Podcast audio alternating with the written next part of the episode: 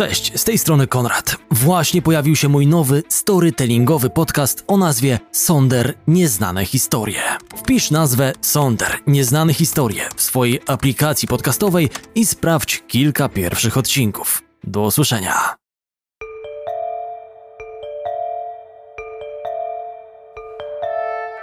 Dwudziestego piątego stycznia 1995 roku. Chłodny zimowy wieczór na stadionie Selhurst Park w Londynie trwa mecz pomiędzy Crystal Palace i Manchesterem United. Czerwone Diabły mają nadzieję na pokonanie gospodarzy tego spotkania i dogonienie w tabeli Premier League prowadzących Blackburn Rovers. Chociaż spotkanie jest typowym meczem walki, to podopieczni Alexa Fergusona zaczynają zgodnie z planem. W pierwszej połowie gola dla drużyny gości zdobywa David May.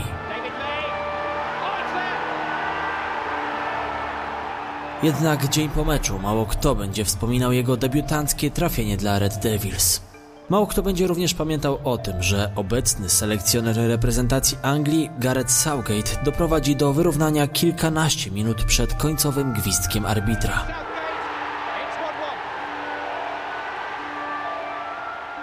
Wszyscy, jak jeden mąż, będą wspominać szokujące sceny, które rozegrają się na początku drugiej połowy, przy bocznej linii boiska.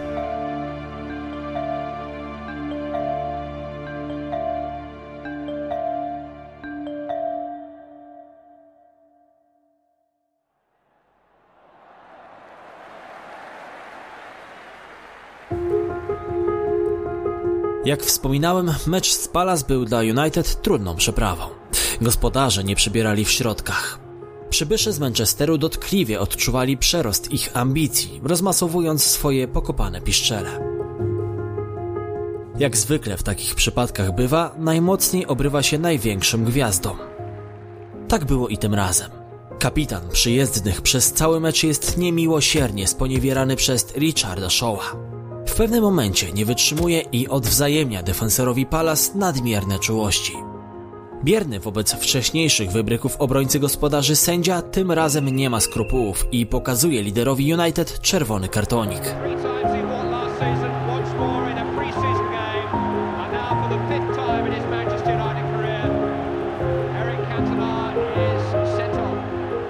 Ten po chwili zadumy, trzymając się na uboczu od zajadle protestujących kolegów z drużyny, zaczyna schodzić z murawy. Za linią boczną podchodzi do niego Kitman zespołu gości, Norman Davis i odprowadza go w kierunku szatni. Obaj robią to przy akompaniamencie wyzwisk ze strony miejscowych fanów. Kapitan Czerwonych Diabłów, wychowany na ulicach Marsylii, gdzie panowało twarde uliczne prawo, zapewne nieraz spotkał się z podobnym słownictwem. Czarę goryczy przelewa jednak młody kibic Crystal Palace, 20-letni Matthew Simmons, który specjalnie zbiega na dół trybuny Selhurst Park, by poobrażać lidera wielkich United z jak najbliższej odległości. Tego było już za wiele. Francuski wirtuos zaczyna się gotować. Davis próbuje przytrzymać kapitana United. Wie, że gdy puszczą mu nerwy, na stadionie Crystal Palace może dojść do prawdziwej erupcji wulkanu. Jest już jednak za późno. Kitman jest bezradny, tak jak bezradni byli Pompejczycy wobec gniewu Wezuwiusza.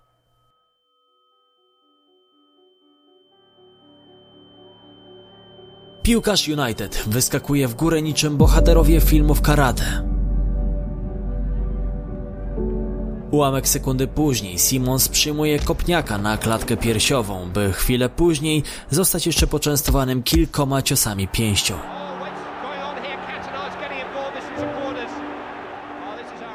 Do swojego francuskiego kolegi podbiega Peter Schmeichel i odciąga go od zaatakowanego chłopaka, po czym odprowadza go do szatni. Selhurst Park jest w ciężkim szoku.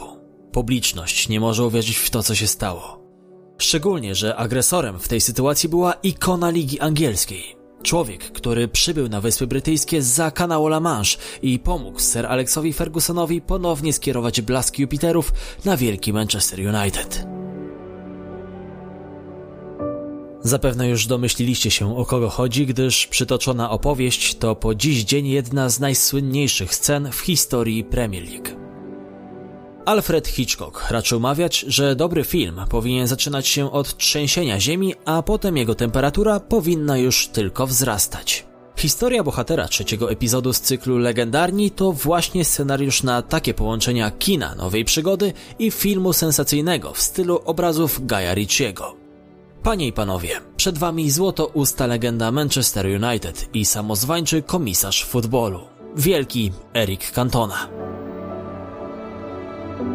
Z tej strony Konrad Szymański. Przed Wami historie z boiska. Pierwszy tego typu piłkarski podcast w Polsce. Jeśli słuchasz tego na Spotify, możesz zaobserwować mój podcast. Po naciśnięciu tej opcji nie ominiesz żadnego odcinka.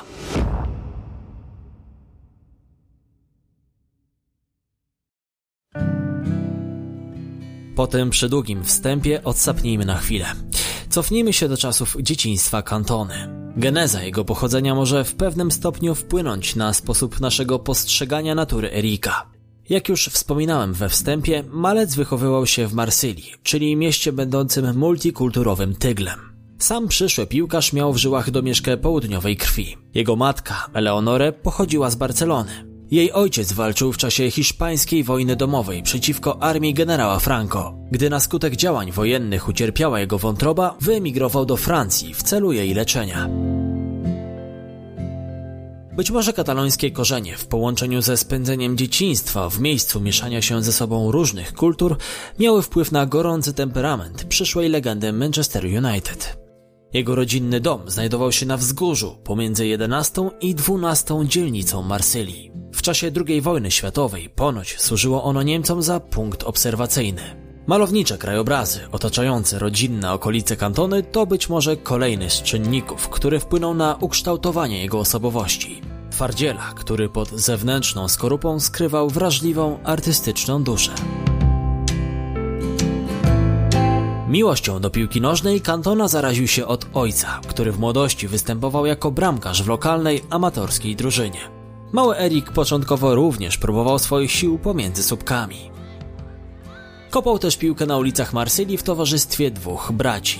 Starszego o 4 lata Jean-Marie i młodszego o półtora roku Joela. Czasem do gry w piłkę rodzeństwo wykorzystywało domową sypialnię, w której trzej bracia kopali zmięte w kulkę gazety, a jako bramka służyła im stara wersalka. Pierwszym klubem Erika był maleńki FC Kaiła, jednak wielkim marzeniem chłopca była gra dla Olympique Marsylia. Zrodziło się ono w głowie przyszłej gwiazdy futbolu, gdy ojciec zabrał go na stad Velodrome. Erik miał wtedy 6 lat. Oczarowany grą Rogera Magnusona i Josipa Skoblara Malec marzył o chwili, gdy sam będzie mógł przywdziać trykot drużyny z rodzinnego miasta. Ta chwila miała nadejść, ale Kantona musiał uzbroić się w cierpliwość. Tymczasem wielkie piętno w głowie chłopca odcisnął jeszcze jeden zawodnik, któremu poświęciliśmy poprzedni odcinek legendarnych. Pewnego razu do Marsylii zawitał wielki Ajax Amsterdam.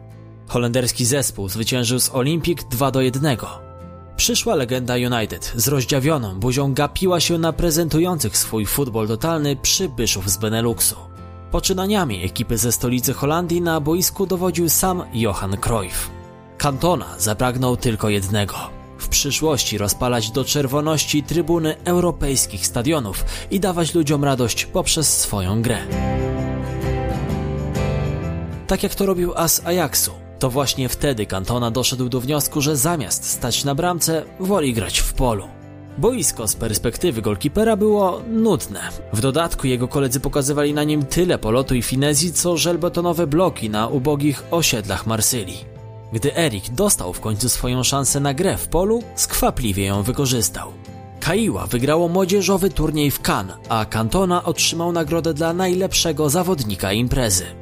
O wielkim talencie obdarzonego bajeczną techniką dzieciaka wkrótce zaczęli szeptać skauci czołowych francuskich klubów. Co ciekawe, do walki o młodziana nie dołączyli działacze Marsylii, którzy uznali, że Cantona jest za mało dynamiczny. Z transferu do Nicei zrezygnował zaś sam Erik, który miał za złe tamtejszemu klubowi, że nie pozwolił mu zabrać koszulki na pamiątkę i kazał za nią zapłacić, gdy ten pojechał na testy. W tej sytuacji do ofensywy przeszli przedstawiciele Akademii Piłkarskiej w Auxerre. To właśnie na wyjazd do tego klubu zdecydował się 17-letni Młokos. Tam trafił pod skrzydła jednego z najlepszych fachowców w kraju, mianowicie Giru, trenerskiej legendy, która łącznie spędziła w klubie z Burgundii ponad 40 lat. Oser Cantona trenował razem z Pawłem Janasem, który po udanym dla reprezentacji Polski mundialu w Hiszpanii przykuł uwagę francuskich działaczy. Janosik przywiózł ze sobą do Francji wspaniałą pamiątkę z Mistrzostw Świata. Koszulkę Paolo Rossiego, króla strzelców czempionatu w 1982 roku. Gdy Cantona ją zobaczył, chodził za Janasem tak długo, aż udało mu się wybłagać, by Polak podarował mu trykot włoskiego snajpera. Koszulka tak bardzo przypadła mu do gustu, że często zakładał ją nawet na treningi. Po jakimś czasie koledzy z zespołu zaczęli przezywać go Paolo. Cantona musiał odpracować zdobycie wymarzonego artefaktu, stając się chłopcem na posyłki Janasa i biegając do pobliskiego sklepu, by kupować polskiemu obrońcy papierosy. Innym razem Giru musiał go rozdzielać, gdy wdał się pod szatnią w bójkę z niemal wszystkimi piłkarzami przeciwnej drużyny. Wcześniej dał się im mocno we znaki w czasie boiskowej potyczki. Zadziorny charakter Kantony w równym stopniu pomagał mu stawać się lepszym piłkarzem, co wpędzał go w kłopoty. W nabieraniu ogłady i dyscypliny miała mu pomóc obowiązkowa służba wojskowa, którą musiał odbyć po ukończeniu 18 roku życia.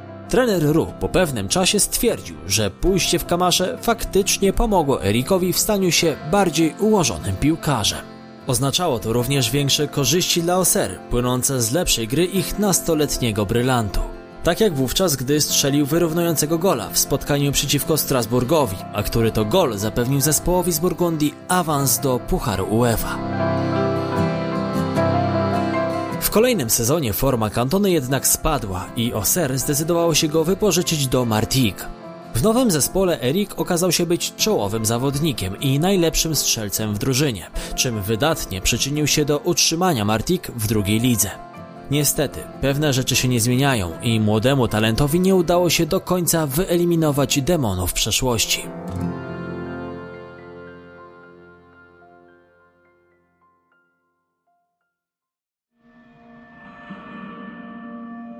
Po meczu w Pucharze Francji Cantona wdał się w bójkę z jednym z widzów. Zresztą, jak doskonale wiecie, nie po raz ostatni w karierze. Ówczesny status Cantony i brak takiej nośności tematu jak w czasie feralnej nocy na Selhurst Park spowodował, że tamten występek został potraktowany jedynie jako głupi wyskok niedojrzałego nastolatka.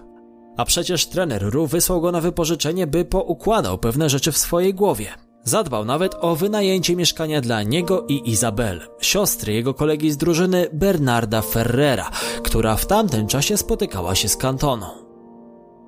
Związek i wspólne mieszkanie miały mu pomóc w dalszym procesie osiągania przez niego dojrzałości. Ten eksperyment nie do końca się powiódł. Mimo to legendarny trener nadal miał do niego słabość. Z Martik Cantona powrócił do Auxerre, a Giroud zdecydował się podpisać z nim długoterminowy kontrakt. W klubie z Burgundii losy Erika przecięły się z jeszcze jednym Polakiem. Przez pierwsze lata pobytu Wonderkida w Auxerre pierwszym wyborem trenera Ru, gdy przychodziło obstawić pozycję napastnika był Andrzej Szarmach. W roku 1985 35-letni już diabeł opuszczał Burgundię i przenosił się do Gęgombe. To na barkach kantony spoczęła odpowiedzialność za załatanie dziury powstałej po odejściu naszego rodaka. Niespełna dwudziestoletni Erik poradził sobie z tym zadaniem na medal. No, może nie do końca na medal, gdyż Oser zajęło w następnym sezonie Ligi Francuskiej czwarte miejsce, czyli tuż za podium. Dzięki temu ten klub z 40-tysięcznego miasteczka po raz drugi z rzędu zapewnił sobie udział w europejskich pucharach. Cantona dołożył do tego sukcesu swoją cegiełkę w postaci 13 ligowych bramek strzelonych w przekroju całego sezonu. W Burgundii spędził jeszcze rok. W ciągu tych dwóch kampanii ligowych wyrobił sobie markę jednego z największych talentów francuskiego futbolu. Dzięki temu zwrócił uwagę większych klubów, w tym tego, o którym marzył jako sześcioletni chłopiec. Marsylia zaproponowała mu powrót do rodzinnego miasta i przywdzianie barw Olimpik. Ukryta głęboko natura małego chłopca została zaspokojona. Spełnił się jego dziecięcy sen. Gdy byłem małym chłopcem, marzyłem o Stad Velodrom. Ta miłość nigdy mnie nie opuściła. Tak wypowiadał się na łamach L'Equipe, już jako piłkarz Manchesteru. Jednakże ta piękna historia ma jeszcze jedno tło.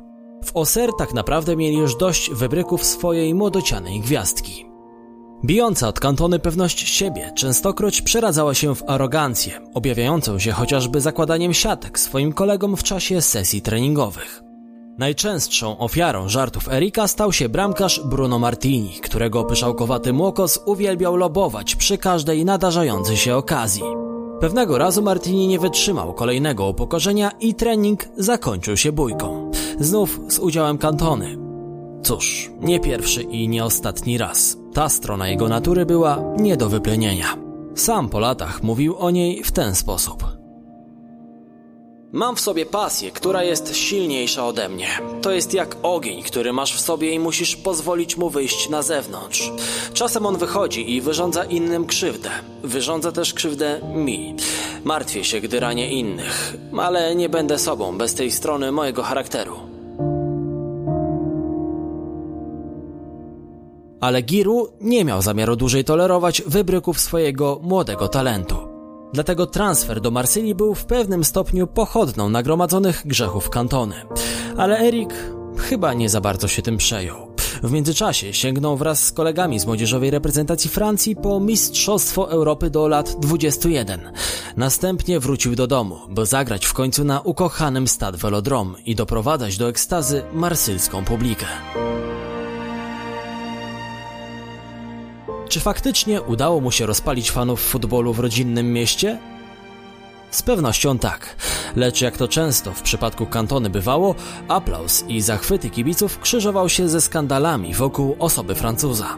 Co prawda już w pierwszym sezonie Erik przyczynił się do zdobycia przez Olimpik podwójnej korony, ale nawet nie dotrwał w jego barwach do końca tamtej kampanii.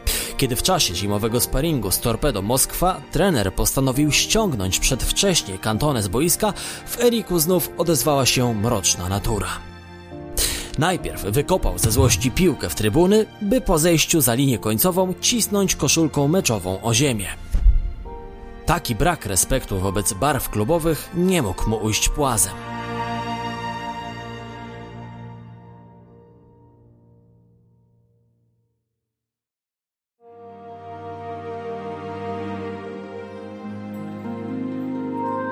Zresztą to był drugi most podpalony przez Francuza w przeciągu zaledwie kilku miesięcy. Na liście trenerów, z którymi Cantona wszedł w konflikt, widniało już w tamtym momencie nazwisko selekcjonera reprezentacji Francji Henry Michela. Był to wynik braku powołania dla Erika na towarzyski mecz przeciwko Czechosłowacji. W reakcji na nieumieszczenie go na liście piłkarzy, którzy mieli zagrać w tamtym sparingu, Cantona stwierdził, że nigdy więcej nie założy reprezentacyjnego trykotu, dopóki u steru kadry będzie stał Mitchell. Dodatkowo nazwał selekcjonera jednym z najbardziej niekompetentnych menedżerów w światowym futbolu, po czym przestał gryźć się w język i bez ogródek nadał mu miano torby gówna. Sami musicie przyznać, że talent do pakowania się w kłopoty Cantona miał równie wielki jak talent do futbolu. Większa była chyba tylko jego niewyparzona gęba. Po tej wypowiedzi nie zagrał w narodowych barwach przez ponad rok. Wkrótce został również wypożyczony z Marsylii do Bordeaux, co było konsekwencją zachowania w czasie sparingu z Torpedo. Kolejnym sezonie także powędrował na wypożyczenie, tym razem do Montpellier i chociaż był jednym z najlepszych zawodników Lafayette, to niewiele zabrakło, by znów karnie został wyrzucony z klubu. Powód? Rzucanie butami w kolegę z drużyny, Jean-Claude Lemulta i grożenie mu pobiciem. To, że Cantona dograł sezon do końca w barwach Montpellier było zasługą jego kolegów z drużyny, Laurent Blanca i Carlosa Valderramy. To oni wstawili się za kolegą z zespołu u prezesa klubu, chociaż sześciu innych piłkarzy optowało za pozbyciem się Erika Rozrabiaki z szeregów klubu. Gwiazdy Montpellier wiedziały jednak, że pomimo trudnego charakteru, Cantona jest na murawie ważną częścią zespołu. Opłaciło się. Lafayette sięgnęli w 1990 roku po Puchar Francji. Następnie, po półtora rocznej banicji, syn marnotrawny powrócił do Marsylii. I wszyscy żyli długo i szczęśliwie. Nie, to nie ta bajka. W Olimpik wciąż zmieniali się trenerzy i o ile Gerard Gilly i Franz Beckenbauer stawiali na niepokornego gracza, o tyle przyjście Raimonda Hutalsa spowodowało, że Cantona znów nie mógł znaleźć wspólnego języka ze swoim klubowym opiekunem. Nie po drodze było mu również z właścicielem klubu, panem Bernardem Tapie. Jak pokaże przyszłość, człowiekiem mocno umoczonym w korupcję. Ale to materiał na osobną historię. Skłócony z całym światem Erik znów musiał udać się na tułaczkę. Tym razem trafił do nim. Tam nastąpiło coś, co okazało się gwoździem do trumny, jeśli chodzi o francuski etap jego kariery.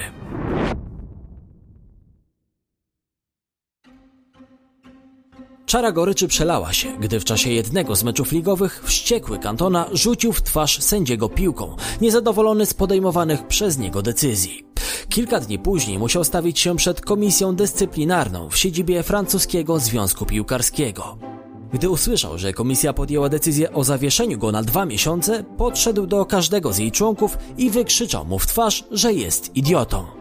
Cantona był załamany. Miał dopiero 25 lat, a mimo to rozważał możliwość zawieszenia butów na kołku i zakończenia profesjonalnej kariery.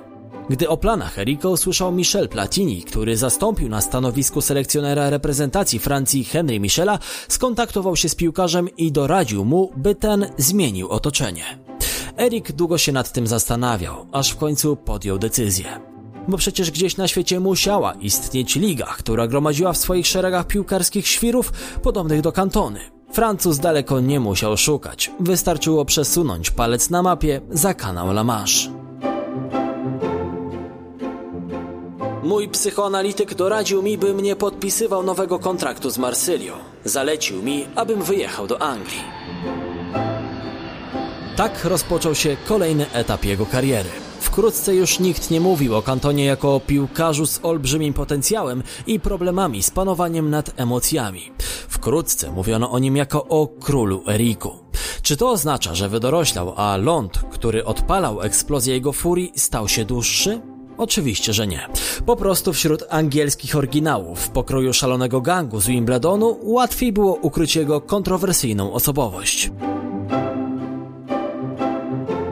Poziom jego wirtuozerskiej gry również tuszował mankamenty natury mentalnej, ale po kolei. Prawdę mówiąc, początkowo nawet Anglicy mieli obawy przed sprowadzeniem do siebie kantony. Platini, szukając swojemu rodakowi klubu, najpierw zwrócił się do menedżera Liverpoolu, Grahama Sunesa. Ten odmówił francuskiej legendzie, argumentując decyzję tym, że nie chce psuć atmosfery w szatni The. Cóż, być może, gdyby ówczesny menedżer klubu z Anfield zaryzykował, to w mieście Beatlesów nie czekaliby na tytuł mistrza kraju już blisko 30 lat. Szansę niesfornemu piłkarzowi chciał zadodać Trevor Francis, który wówczas prowadził Sheffield Wednesday. Miała to być przysługa, głównie z uwagi na dawną przyjaźń z Platinim i agentem piłkarskim Denisem Roachem, który również brał udział w przeprowadzeniu transferu kantony do Wielkiej Brytanii. Sheffield niedawno wróciło na najwyższy poziom rozgrywkowy i miało posłużyć kantonie za okno wystawowe, które pozwoli mu się lepiej rozreklamować na Wyspach Brytyjskich. Ostatecznie jednak do podpisania umowy nie doszło, gdyż działaczy z Sheffield nie było stać na sprostanie oczekiwaniom finansowym Francuza. Wówczas do gry weszło Leeds United, które zapłaciło za Erika łączną sumę miliona funtów. Z perspektywy czasu kwota ta wydaje się być komiczna. Szczególnie, że Cantona pomógł Pawiom zdobyć ich ostatni tytuł mistrzowski, tworząc fenomenalny duet z napastnikiem Lee Chapmanem. Francuz często wchodził z ławki i przesądzał o wyniku spotkania w końcowych fragmentach meczu. Pomimo początkowego ograniczonego zaufania, trener Howard Wilkinson szybko przekonał się, że warto wykupić Cantona na stałe i zrobić z niego jednego z liderów świeżo upieczonego mistrza Anglii. Ostatniego przed erą Premier League, gdyż od następnego sezonu angielskie rozgrywki ligowe zmieniły szyld i zaczęły przeistaczać się w finansowego potwora, którego znamy dziś. W przerwie między sezonami Erik udał się na swój jedyny wielki turniej piłkarski. I chociaż wydawałoby się, że duet Eric Cantona i Jean-Pierre Papin powinien stanowić zabójczą mieszankę, to Francuzi pożegnali się z Euro 92 już po rozgrywkach grupowych, nie wygrywając tam ani jednego spotkania.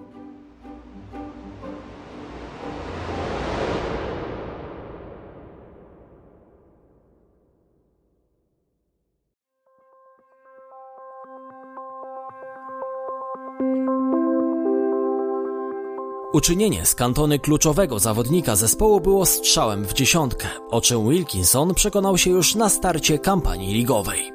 W meczu o tarczę dobroczynności Erik popisał się hat-trickiem, pierwszym w tych rozgrywkach od 35 lat.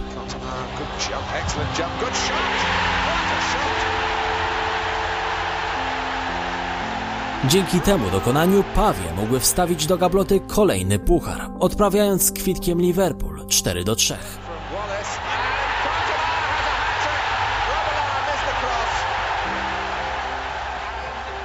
Ciekawe, czy po tym meczu Sunes zaczął się zastanawiać, czy nie popełnił błędu odrzucając propozycję Platiniego. Dla Derec było już jednak za późno na zrehabilitowanie się, natomiast Cantona w meczu ligowym z Tottenhamem zdobył kolejnego hat-tricka, swojego pierwszego w erze Premier League. Leeds United nie potrafiło jednak utrzymać formy z poprzedniego roku, notując serię rozczarowujących wyników. Na domiar złego Erik złapał kontuzję pachwiny, a gdy wrócił do treningów, Wilkinson trzymał go najczęściej na ławce rezerwowych. Niezadowolony z takiego obrotu spraw, Francuz odmówił w końcu wzięcia udziału w treningu, przysyłając do siedziby klubu fax z prośbą o wytransferowanie go do jednego z największych klubów w Anglii Manchester United, Arsenalu lub Liverpoolu. Najbardziej zainteresowany usługami Francuza był Sir Alex Ferguson. Szkot szukał opcji do wzmocnienia ataku i po fiasku negocjacji w sprawie przeprowadzenia transferu Matele Tissiera zagiął parol na krnąbrnym piłkarzu Leeds. Cantona zadebiutował w barwach Manchesteru 1 grudnia 1992 roku. Była to towarzyska potyczka pomiędzy Czerwonymi Diabłami i Benficą Lizbona, zorganizowana z okazji 50. urodzin Eusebio. Po raz pierwszy na Old Trafford zagrał 5 dni później, w derbach Manchesteru. Na pierwsze gole nowego nabytku kibice Red Devils również nie musieli długo czekać. 19 grudnia pokonał on bramkarza Chelsea Kevina Hitchcocka, zaś w Boxing Day zaaplikował bramkę Sheffield Wednesday. Oczywiście kantonę trzeba było brać z całym jego inwentarzem i fakt oplucia kibiców Leeds w czasie wizyty na Ellen Road można było dopisać jako dodatek do jego transferu. Za ten czyn Francuz został ukarany grzywną w wysokości 1000 funtów. Mała cena jak za pomoc w zdobyciu pierwszego tytułu mistrza Anglii od 26 lat. Tym samym Cantona został pierwszym graczem w lidze angielskiej, który zdobył dwa tytuły mistrzowskie z rzędu z dwoma różnymi klubami. Pełnię swoich możliwości Erik pokazał w kolejnej kampanii ligowej. 25 bramek zdobytych we wszystkich rozgrywkach przesądziło o zdobyciu przez niego wyróżnienia dla najlepszego piłkarza w Anglii, którą to nagrodę przyznają sami zawodnicy. Oczywiście Manchester obronił mistrzowską koronę, a Francuz dorobił się przydomka Ledier, czyli Bóg. Pod skrzydłami Sir Alexa Fergusona Cantona wydobywał z siebie wszystko, co najlepsze. Dwie wielkie osobowości nadawały na tych samych falach. Manchester United znów stał się wielki, jak za czasów Sir Mata Basbiego.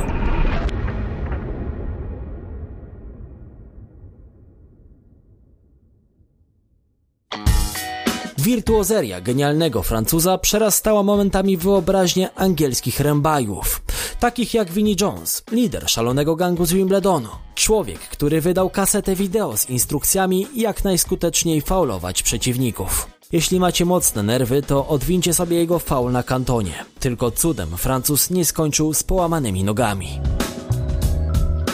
Pewne rozczarowanie Erik mógł nadal czuć na polu reprezentacyjnym. Brzemienny w skutkach błąd Dawida Ginoli w meczu eliminacyjnym z Bułgarią pozbawił ekipę Leble szansy wyjazdu na mundial w Stanach Zjednoczonych. Mrzonką pozostał również wyjazd na europejski czempionat w 1996 roku, co było długofalową konsekwencją kopnięcia kibica Crystal Palace. Na angielskich boiskach Francuzi dotarli do półfinału. Tam niewykorzystany rzut karny Reynalda Pedrosa przesądził o braku awansu do finału. Być może, gdyby w szeregach podopiecznych Gerarda Huliera znajdował się idol kibiców United, losy tamtej potyczki potoczyłyby się zgoła odmiennie. Tymczasem nadszedł feralny sezon 1994-1995. Jedyny w czasie pobytu kantony na Old Trafford, kiedy to Red Devils nie zasiedli na mistrzowskim tronie. O pamiętnej nocy na Selhurst Park usłyszeliście na wstępie. A przecież do tego momentu wszystko szło całkiem dobrze. Erik znów błyszczał, zdobywając 12 goli w 21 spotkaniach ligowych. Co nastąpiło 26 stycznia, gdy piłkarska Anglia ochłonęła po zaćmieniu umysłu kantony?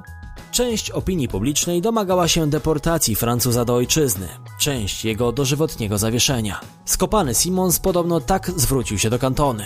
Wypierdalaj do Francji! Ponadto miał również użyć słowa bastard, co w dosłownym tłumaczeniu oznacza bękarta, zaś na Wyspach Brytyjskich często używa się tego wyrazu jako wulgarnej inwektywy. Cantona oprócz sankcji ze strony FA i klubu stanął również przed sądem cywilnym i został skazany na 120 godzin prac społecznych. Na zwołanej przez klub konferencji prasowej wypowiedział jedną ze swoich najbardziej pamiętnych złotoustnych sentencji. Kiedy mewy podążają za barką, to dlatego, bo myślą, że sardynki zostaną wyrzucone do morza. Dziękuję bardzo. Co poeta miał na myśli? Zostawiam to Wam do indywidualnej interpretacji. Zawieszenie potrwało do końca września 1995 roku i obejmowało wszystkie rozgrywki, zarówno te oficjalne, jak i mecze towarzyskie. Trener Emile Jacquet pozbawił Kantonę opaski kapitańskiej w reprezentacji Francji, lecz Erik już nigdy do niej nie wrócił. Jego licznik zatrzymał się na 20 bramkach w 45 występach i pole reprezentacyjne pozostawiło w jego życiu duży niedosyt. Niestety rozminął się z erą francuskiej reprezentacji czasów Zidana, Auriego czy Trezegueta, która na przełomie wieków sięgała po tytuł mistrzów świata i Europy. Po nałożeniu drakońskiej kary Cantone znów dopadł kryzys i w pewnym momencie zgłosił nawet zamiar rozwiązania kontraktu z Manchesterem United. O takiej decyzji nie chciał nawet słyszeć Sir Alex Ferguson. Szkot, jako jeden z nielicznych, bronił swojego piłkarza nawet bezpośrednio po zdarzeniu na Selhurst Park. Zarzucał sędziemu, że był pośrednio winny zajścia, niedostatecznie chroniąc kantonę przed brutalnymi atakami graczy Palace. Ciekawy był przypadek Matthew Simonsa, czyli ofiary ataku kantony. Jeszcze w czasie rozprawy hardy młodzieniec kilkukrotnie obrażał sędziego, za co spędził noc w areszcie. Simons ostatecznie został uznany winnym sprowokowania kapitana United. Po odczytaniu wyroku zaatakował prokuratora. Na skutek swoich czynów stracił pracę i miał problem ze znalezieniem stałego źródła dochodów. Palas zablokowało jego karnet i nałożyło zakaz stadionowy. Rodzina zaczęła się od niego odwracać, jego małżeństwo się rozpadło. W przyszłości usłyszał kolejny wyrok półrocznego więzienia w zawieszeniu na dwa lata. Była to kara za zaatakowanie trenera drużyny piłkarskiej, w której grał jego syn. Tymczasem Cantona wrócił do gry. I to w wielkim stylu. 1 października 1995 roku zaliczył asystę oraz strzelił bramkę z rzutu karnego w meczu z Liverpoolem. Ośmiomiesięczny rozbrat z futbolem nie sprawił, że Francuz zapomniał jak się gra w piłkę. Król Erik powrócił na tron i miał się dobrze. Był wygłodniały gry. Pomimo zawieszenia w pierwszych meczach tamtej kampanii ligowej, został najlepszym strzelcem drużyny. Dwa kolejne sezony i dwa kolejne mistrzostwa Anglii dla Manchester United, dodatkowo wywalczone FA Cup.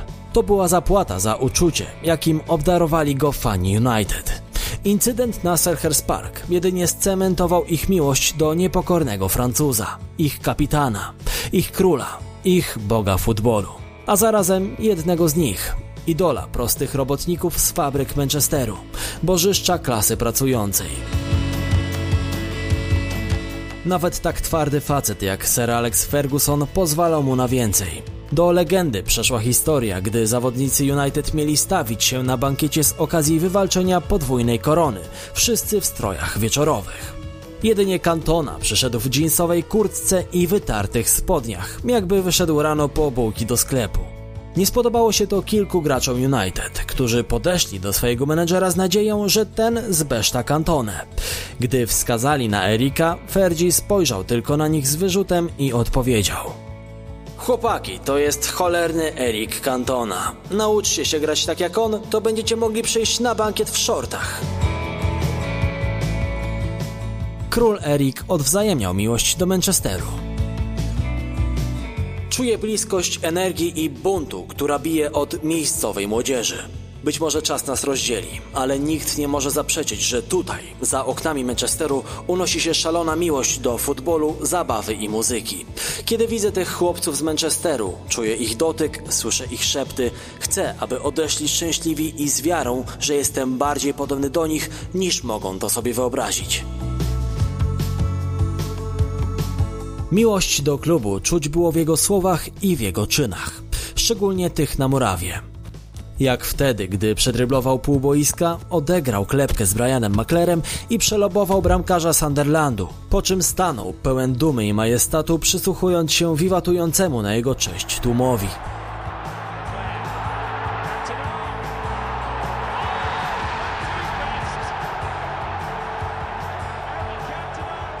Jak zwykle z postawionym do góry kołnierzykiem, jego znakiem rozpoznawczym. Większym symbolem futbolu lat 90. niż okulary Edgara Davidsa czy pstrokata bluza Jorge Camposa. Powiem wam, że ta cieszynka, o ile tak w ogóle można ją nazwać, na tyle zaskarbiła sobie u mnie osobiście sympatii, że kiedyś zrobiłem sobie nawet projekt koszulki z grafiką z właśnie z tej sytuacji, z tego meczu. Postaram się ją gdzieś wygrzebać, zrobić w niej zdjęcie i jeśli jesteście ciekawi, to stawię je na moim Instagramie. Naprawdę dla mnie ikoniczna akcja. Majestat. Bił od Erika na okrągło. Nawet po faulu Jonesa nie zwijał się przez kilka minut z bólu. Wstał natychmiast, wyprostowany, dumny i pełen dezaprobaty. Respekt do jego osoby czuł nawet taki indywidualista i twardziel jak Roy Keane. Kapitan nie musi być głośny. Erik rzadko się odzywał. Wystarczyła bijąca od niego charyzma.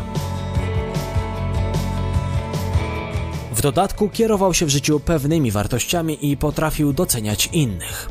Gdy pewnego razu wygrał w grze hazardowej, w której brali udział niemal wszyscy piłkarze Czerwonych Diabłów, 16 tysięcy funtów, podzielił pieniądze na połowę i podarował je Polowi Skolsowi i Nikiemu Batowi. Był to dowód uznania za to, że jako młodzi gracze, którzy nie zarabiali wówczas jeszcze zbyt wiele, potrafili zaryzykować po 800 funtów, by wziąć udział w zabawie z resztą drużyny.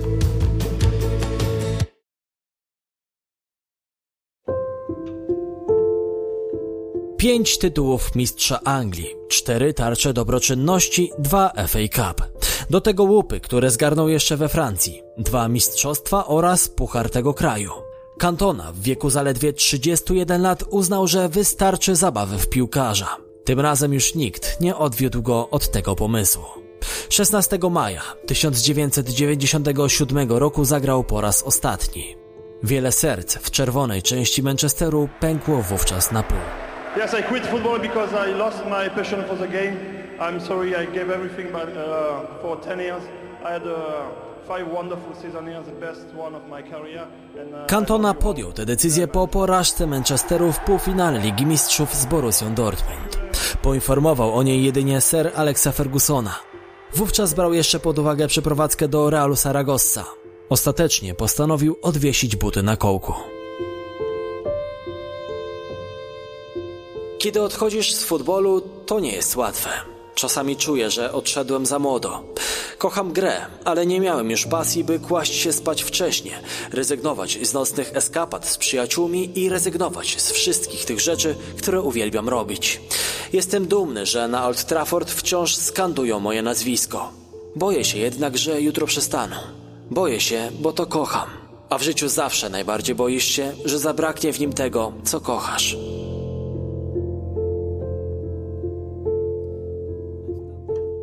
Od tamtej wypowiedzi minęło wiele lat, a o Eriku Cantonie wciąż nie zapomniano w Teatrze Marzeń. Jego nazwisko zostało owiane jeszcze większą legendą, bo herosi w ludzkiej pamięci żyją wiecznie. Po zakończeniu kariery Erik poświęcił się wielu ciekawym sprawom. Zagrał w kilkunastu filmach, a nawet zdarzało mu się samemu wyreżyserować krótkometrażowe formy. Fani futbolu pamiętają go z kultowej reklamy Nike pod tytułem Good vs Evil, gdzie największe piłkarskie gwiazdy mierzą się w potyczce z zespołem demonów.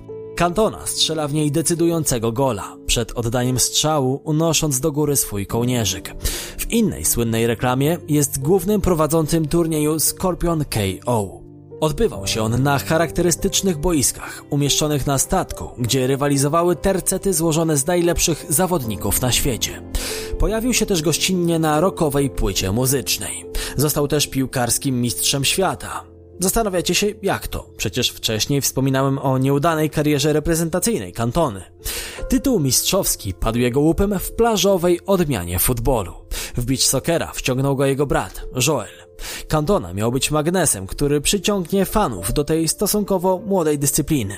Erik poprowadził swoją reprezentację do mistrzowskiego tytułu w pierwszej edycji Mistrzostw Świata w 2005 roku. Później był również selekcjonerem kadry narodowej i pod jego skrzydłami Francuzi sięgnęli po brąz na kolejnym turnieju World Cup.